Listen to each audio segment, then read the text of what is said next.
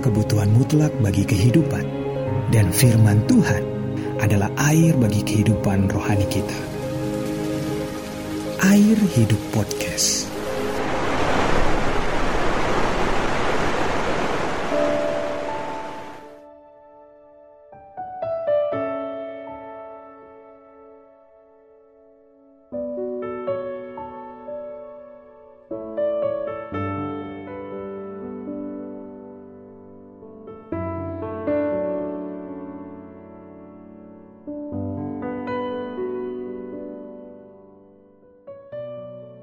Bacaan 2 Petrus 3 ayat 1 sampai 18.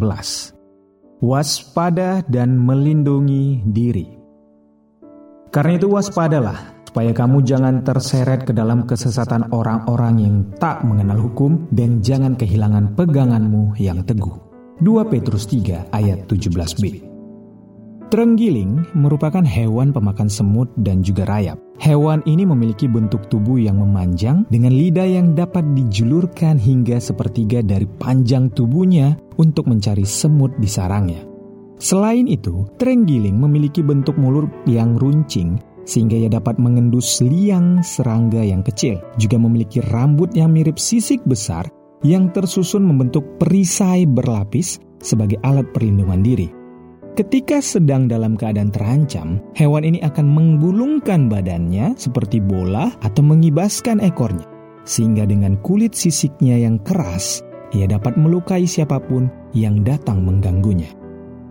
Kewaspadaan yang tinggi dan kemampuan untuk melindungi diri dari segala yang membahayakan ini juga patut dimiliki oleh orang percaya. Bagaimana caranya?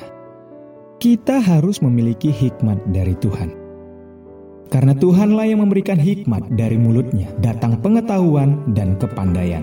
Amsal 2 ayat 6 Firman Tuhan adalah sumber hikmat bagi orang percaya.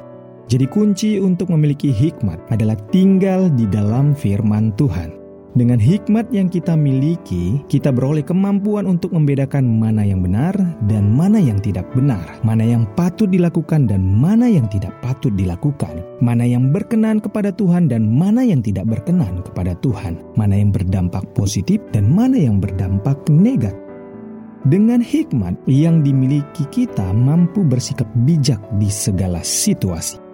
Orang yang bijak memperhatikan langkahnya Amsal 14 ayat 15. Di zaman sekarang ini banyak orang Kristen tidak punya kewaspadaan sehingga tidak mampu melindungi diri dari hal-hal yang jahat, jatuh dalam dosa, jatuh dalam pergaulan yang buruk, jatuh dalam berbagai pencobaan, ceroboh dalam berkata-kata, dan mudah sekali terbawa arus dunia karena mereka tidak memiliki hikmat Tuhan. Hikmah tak dimiliki karena mereka tidak memiliki persekutuan yang karib dengan Tuhan, tidak mau menyediakan waktu untuk membaca dan merenungkan firman Tuhan. Bergaul karib dengan Tuhan dan firman-Nya menjadikan kita peka rohani